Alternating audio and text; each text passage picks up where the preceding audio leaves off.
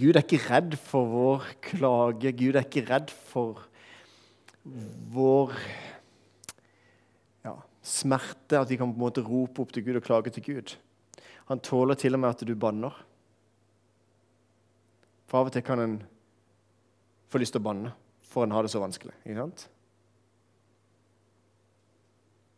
Og det er utgangspunktet for, for um, denne talen her, med utgangspunkt i Jeremia. En person, en profet, som var omkring sånn 500-tallet.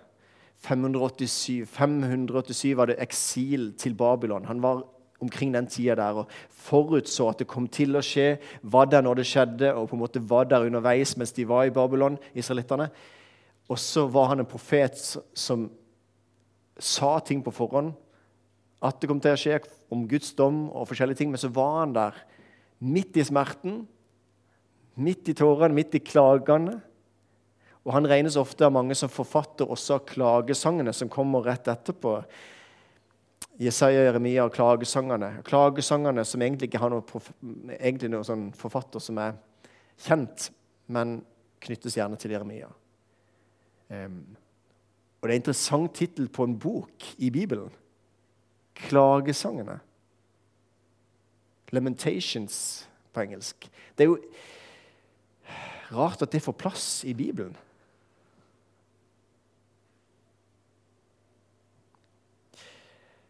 Og det er faktisk ganske mange klagesalmer også. Um, jeg skal ikke gå inn på de nå, for nå skal vi ta utgangspunkt i, i Jeremia. Men salme 10, 63, 69, 74, 79 Klagesalmene som på en måte er bygd opp på litt av samme måte. altså Det, det er klaging på altså, 'Min Gud, min Gud, hvorfor har du forlatt meg?' Salme 22, som Jesus siterer på korset. Hvor en har en fortvilelse for eksempel, over at Gud ikke er der. Men så kommer det i slutten av hver klagesalme en en tillit allikevel til at du, Gud kommer til å gripe inn. Du kommer til å være der. Du å, fordi du har vist din trofasthet tidligere, så kommer du igjen til å bry deg og ta deg av oss. Så egentlig så blir det en lovsang. Så det som er en klage, er også en lovsang. Hvorfor? Jo, fordi du retter den til Gud.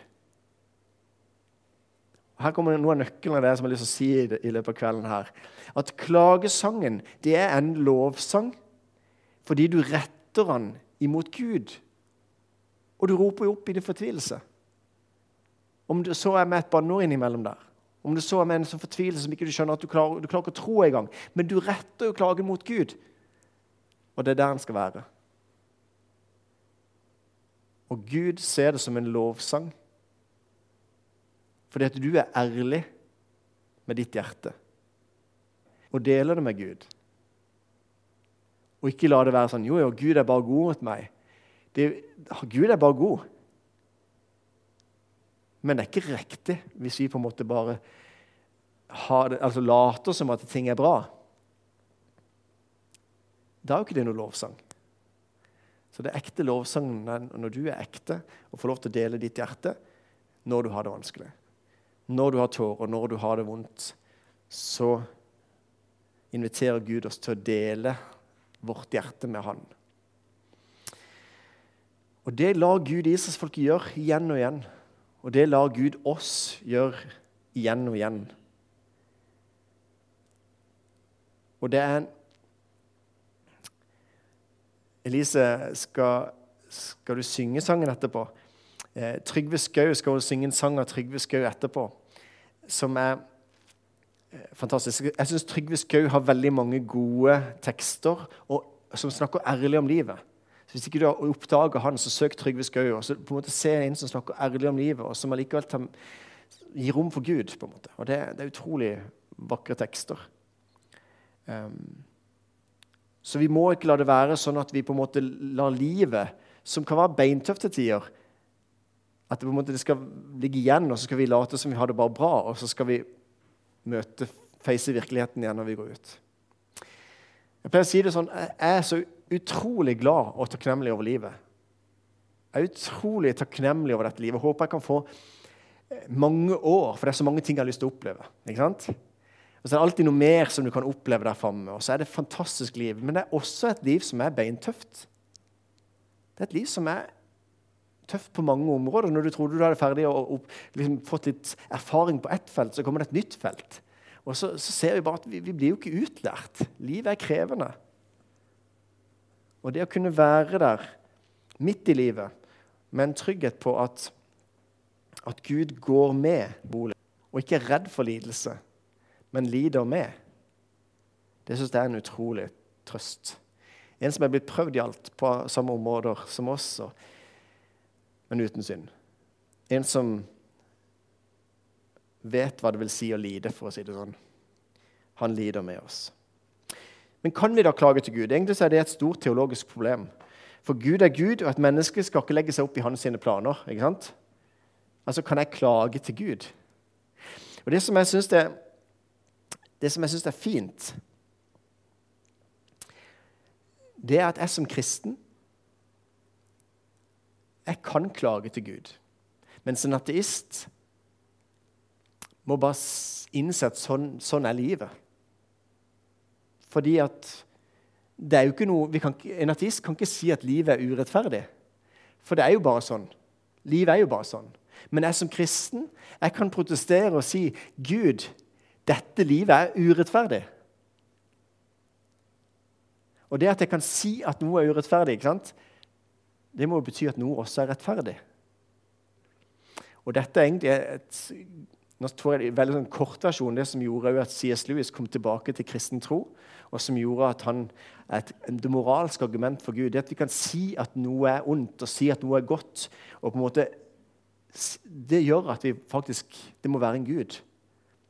For Hvis ikke så kan ikke vi si at dette livet er urettferdig. Ja. Så Hvis du opplever at livet er urettferdig, så er jeg så takknemlig at vi som kristne vi kan klage over livet.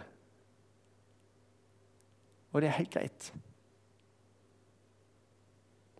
Og vi inviteres til å gjøre det. Så blir klaging på en måte et uttrykk for å gi Gud ære, fordi at du, du henvender deg til ham. Du, du, kommer med din klage til ham. Um, en indirekte form for lovsang. Og så handler det selvfølgelig om at eh, vårt liv her vil jo også være, det handler jo også om å få perspektiv. Det å få perspektiv med å se andre som har det verre osv. Men, men poenget er at du i din situasjon du, du blir ikke trøsta av å høre at noen har det verre i den situasjonen. Så Hvis jeg kommer og deler og forteller at jeg har opplevd noe vanskelig, og så får jeg høre i respons at ja, du har hørt om noen andre som har det hatt vanskelig på det området der. Eller, ikke sant? Det er jo sånn når vi deler noe. Forteller at vi har vondt i hodet. Ja, du skal bare vite en gang. Da er det kjempevondt i hodet. ikke sant? Og så blir det på en måte en slags jeg vet ikke, konkurranse i hvem som har hatt det vondest i hodet. Eh, eller, men egentlig så trenger man bare å høre at 'Å, det var vondt å høre'. Eller en klem eller et eller annet. En trenger ikke å høre om, at, om noen som har hatt det verre. Um, men det er noe med at,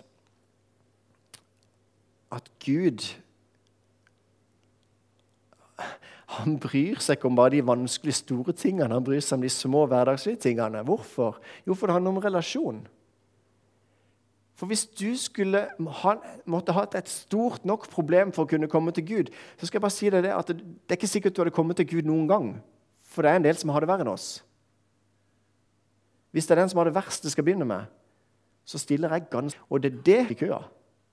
Men det, det, det, opereres ikke sånn, fordi det er en relasjon til Gud, og det er det bønn er. Å dele hjertet med Gud. Sorger og gleder. Så den bitte lille tingen din som du føler nei, jeg kan nesten ikke komme med den til Gud, for jeg kan ikke bry Gud med en sånn liten bagatell. Fordi Gud er Del hjertet ditt, for Gud bryr seg. Og fordi Gud jeg er mest opptatt av den relasjonen han har til deg. Ikke å begynne på nummer syv milliarder, den som har det verst. på en måte. Fordi Når Gud overlot denne verden til oss mennesker og skapte en selvstendig verden, en verden som på en måte har muligheten til å velge om de vil gi Gud ære eller ikke, så vil det få konsekvenser. Og Gud kan ikke gripe inn i hver enkelt situasjon. Derfor får synden konsekvenser. Frie viljer kan velge å såre hverandre. Men det som jeg synes er så utrolig fint, er at når vi opplever urettferdighet, igjen, vi som kristne, så vil det skje en rettferdighet en dag. Og en ateist vil ikke få noe trøst i en urettferdig situasjon. Fordi bare, nå var du bare uheldig. Men vi som kristne kan vite at det vil være rettferdighet en dag.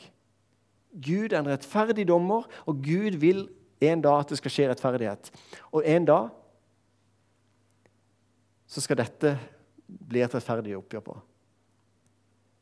Og Det er det vi kristne kaller for dommens dag. Og dommens dag er egentlig ikke Guds Jo, det er Guds vrede. Men Guds vrede det er ikke noe sånn tilfeldig vrede, bare sånn vold der og der. eller noe sånt. Guds vrede er det samme som Guds hellighet og Guds dom, rettferdige dom. Og det er godt at Gud dømmer. Så det vil si at Hvis vi har det vanskelig, og hvis noen opplever urettferdige ting, så kan jeg få lov til å fortelle at det vil bli rettferdighet en dag. Og det er jo dette som slavene trøster, hverandre, trøster hverandre med i Negro Spirituals eller i gospel. Og forteller at det, det er håp som er der framme. Det er et håp. Bare vent. En dag så skal det ikke være tårer mer, ikke smerte mer. Ingenting vondt. For det som en gang var, er borte. Se, er alle ting nye. Det håpet som ligger der framme, hvor rettferdigheten skal skje, og hvor det blir trøst i din håpløse situasjon. Det er et fantastisk kristent budskap. Var ateisten? Vi får gjøre det beste ut av det. Og Selvfølgelig så gjør smerten like mye vondt, men vi kan få lov til å si at vi kan klage på at smerten er der. Og vi kan få lov til å si at en dag så blir det rettferdighet, og en dag så blir det trøst. Og også det her trøsten kan komme inn i, vårt, i vår situasjon nå, fordi Gud går med. Det, det, er jo helt rått. Det skulle gjerne vært et par tusen mennesker som hadde hørt dette budskapet. For det er jo tross alt et revolusjonerende budskap. Det er jo ikke første gang dette budskapet blir forkynt. da, for å si Det sånn. Det har blitt forkynt noen ganger før. Men det er litt trist, syns jeg, at mennesker i dag ikke hører evangeliet som de gode nyheter, men de hører det som en begrensning eller et eller annet som gjør at de ikke har lyst på det. Men hva er alternativet? Det er at vi må gjøre det beste ut av situasjonen. Det er shit happens. Det er, det budskapet hvis en tar vekk Gud. Det er et fantastisk budskap. Og det er ikke noe problem med det onde. Det ondes problem er ikke et problem. Det er heller det godes problem. Hvorfor er det noe som er godt? Ikke sant? Og Hvorfor er det en retning på noe? Hvorfor er det en hensikt? Hvorfor er det en utvikling? Hvorfor er det ikke bare kaos? Så Jeg har hatt en undervisning på at mine 17 grunner til at jeg er kristen. Og en av de grunnene til at jeg er kristen, det er det ondes problem. Det er et godt argument for Gud.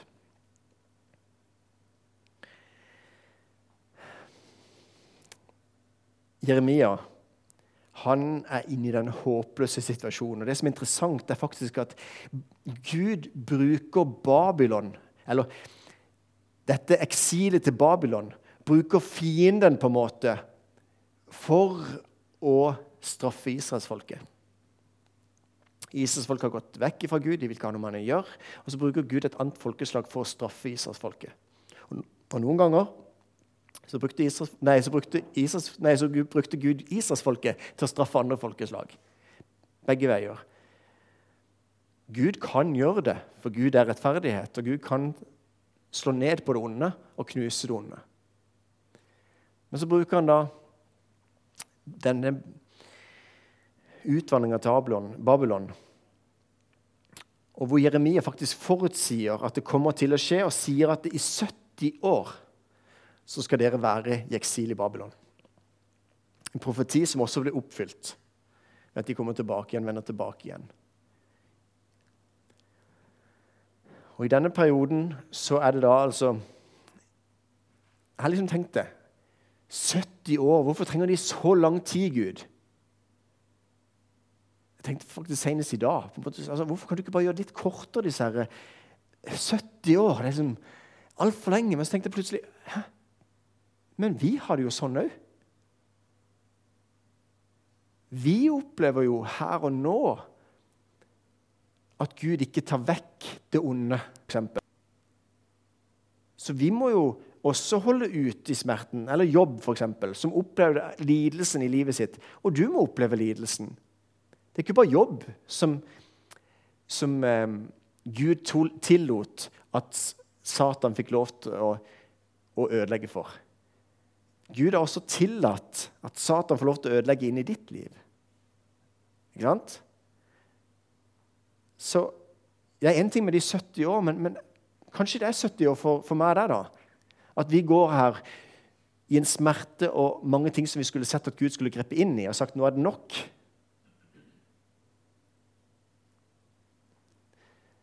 Så dette livet her, det vil ikke være rettferdighet. Og grunnen til det vet vi, det har jeg sagt mange ganger her, det er jo at hvis Gud skulle ta vekk det onde akkurat nå, så er det litt vanskelig når skillelinja mellom det gode og onde går gjennom mitt hjerte. Så Gud drøyer for det han vil flest mulig mennesker skal ta, komme til tro. Og så kan Gud ta vekk det onde. Og så kan Gud knuse det onde. Og det gleder vi oss til. Det kan vi synge sanger om. Det kan vi se fram til. Vi lengter etter det. Og vi kan få lov til å synge sanger om at vi lengter etter det. Og vi kan få lov til å oppmuntre hverandre med det. Så skal, jeg lese en del uttak til dere fra Jeremias bok. Så skal dere få liksom highlightsene fra Jeremia. Og Det er ikke tilfeldig når Bjørg pynter at jeg måtte bort og se deg i stad. Så var liksom slått opp på Jeremia. Så Bibelen ligger på en måte pynta her framme med Jeremia. Um, og Der har du, har du f.eks. et highlight som er skrev, eh, tatt ut fra kapittel 17. Velsignet er den mann som stoler på Herren, og hvis tillit Herren er. Litt gammel versjon, men, men veldig fin versjon. Han skal like et tre som er plantet ved vann og skyter sine røtter ut ved en bekk, og som ikke frykter når heten kommer, men alltid har grønne blader, og som ikke sørger i tørre år og ikke holder opp å bære frukt. Jeremias står det her, men profeten Jeremia um, har noen highlights. Egentlig så brukte jeg ganske mye tid eller Det var et bibelord som jeg brukte mye når jeg var ung. Og Det var i forhold til at jeg begynte tidlig å ha andakter osv. Og, og da var det gjerne denne her Jeremia 1,4-9. Altså det tok jeg det til meg.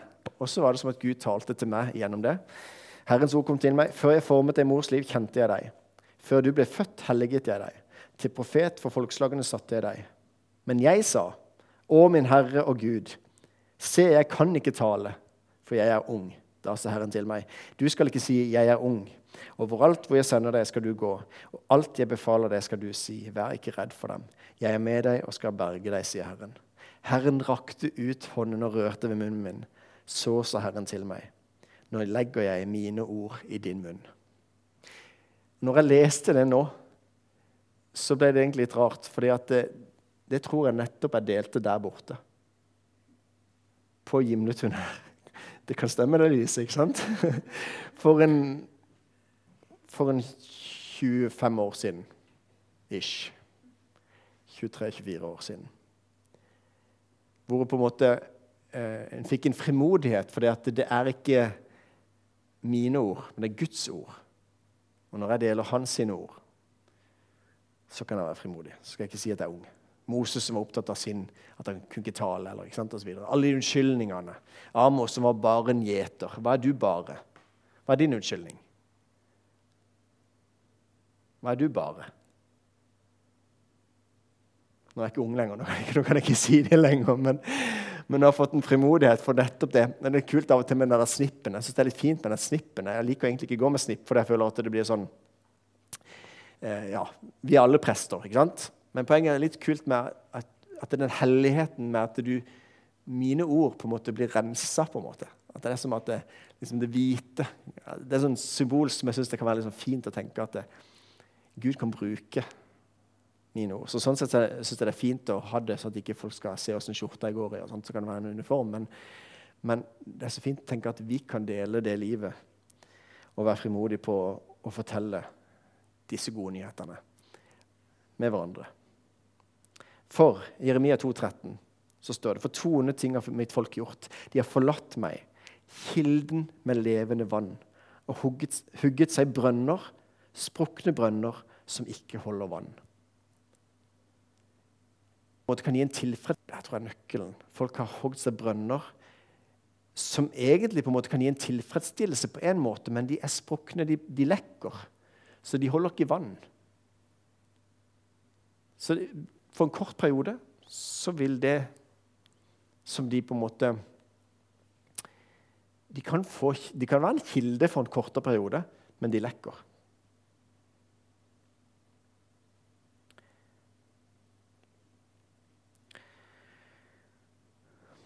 Og så hopper vi litt. Så kommer det til Jeremia. Rett. Nå leste Elisabeth fra Jeremia 29, 12-14, men rett før der òg. Jeremia 29, 11. Hva er det som står der? For jeg vet hvilke tanker jeg har med dere, sier Herren. Fredstanker, ikke ulykkestanker. Jeg vil gi dere fremtid og håp. For jeg vet hvilke tanker jeg har med dere, sier Herren. Fredstanker, ikke ulykkestanker. Jeg vil gi dere fremtid og håp. Midt i den håpløse situasjonen så er det ikke Gud som tenker det til det onde, men Gud tenker det til det gode. Han vil gi fremtid og håp. Han vil være der og trøste. Så sier han allikevel jeg tok det med rette, og la deg ikke slippe straff. Og så sier han også, 'Jeg lar sårene dine gro og leger slagene du fikk', sier Herren. Så han er med og trøster og leger sårene dine. Men du må, være, du må være villig til å la sårene dine bli lekt og komme med dem til Jesus. Så står det også i Jeremia 31.: Enda en gang vil jeg bygge deg, så du, blir, så du blir bygd opp igjen. Enda en gang vil jeg bygge deg, så du blir bygd opp igjen. Så det var litt sånn stilig sagt. Enda en gang. Enda en gang. Og det kommer egentlig ganske mange ganger, mange, mange ganger i Bibelen. Igjen vil jeg ta meg av deg. Enda en gang. Tenk hvor mange ganger han henvendte seg til Israelsfolket. Enda en gang vil jeg bry meg, bry meg. Enda en gang vil jeg bygge deg, så du blir bygd opp igjen. Jeremia 31, 31,4. Jeremia 31, 31. Se dager kommer, sier Herren. Nå skal jeg lese et litt lengre avsnitt. Husk at dette er en situasjon som det er skikkelig utfordrende. Og så kommer det et håpsbudskap, et profeti, som er om noe der framme Se dager kommer, sier Herren. Det jeg slutter en ny pakt med Israels hus og Judas hus. Ikke som den pakten jeg sluttet med fedrene deres den dagen jeg tok dem i hånden og førte dem ut av Egypt. Den pakten brøt de, enn det var deres herre, sier Herren. Men dette er pakten jeg vil slutte med Israels hus i de dager som kommer, sier Herren. Hør. Jeg legger min lov i deres sinn og skriver den i deres hjerte. Jeg skal være deres Gud, og de skal være mitt folk. Der skal ingen lenger undervise sin neste og sin bror og si, 'Kjenn Herren', for de skal alle kjenne meg, både små og store, sier Herren. For jeg vil tilgi skylden deres og ikke lenger huske synden. Så sier Herren, han som satte solen til å lyse om dagen og bestemte månen og stjernene til å lyse om natten, han som rører opp havet så bølgene drønner, Herren over herskaren er hans navn. La jeg disse ordningene vike, sier Herren. Da skal også Israel for alltid opphøre å være et folk for mitt ansikt. Så sier Herren, hvis himmelen der oppe kan måles og jordens grunnvoller der nede kan utforskes, da vil jeg også forkaste hele Israels hus, hele Israels ett, på grunn av alt de har gjort, sier Herren. Så det kommer et håp. En dag så vil Gud gjøre kjøtt, disse steinhjertene om til kjøtthjerter. Og så vil han skrive loven i våre hjerter. Og så står det også litt om at det, det skal ikke slutte. Guds trofasthet skal være Israelsfolket skal være en del av Israels folk. Nei, Guds folk. Hvis du kan måle himmelen der oppe Det kan vi ikke, for utvider, han vokser stadig. Vi har aldri kunnet målt det der oppe. Hvis vi hadde kunnet det, så hadde Israel slutta å være Guds folk. Eller som det også står i Jeremia 33, 19. Kan dere bryte min pakt med dagen og natten, slik at dag og natt ikke kommer til rett tid? Da skal også min pakt med David, min tjener, brytes. Så det er noe sånn, Hvis du kan måle himmelen nede eller jorda der nede Nei, himmelen der oppe eller jorda der nede, eller om du kan på en måte bryte pakten med dag og natt, at ikke det kommer til fast tid, da skal pakten brytes med hans sitt folk. Da vil ikke han stå ved løftene lenger. Men det har ikke skjedd til nå. Vi kan ikke utvide dagen med et par minutter. Eller vi har ikke kunnet måle himmelen der oppe. Det er helt umulig. Til slutt Klagen din, kom han til Gud. Ok? Vær frimodig på det. Klag til Gud. Han lar det, få altså det kan være en protest. Det kan være det at du kan prosessere følelsene dine. Du kan få en stemme til forvirringen din. Gud har latt klagesalmene og klagene være en del av sin bibel, av sitt ord, fordi det er en naturlig del av vårt liv.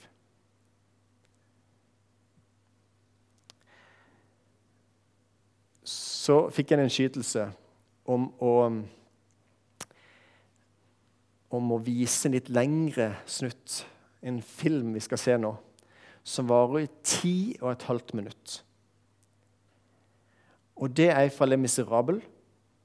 Siste episode går på NRK i dag.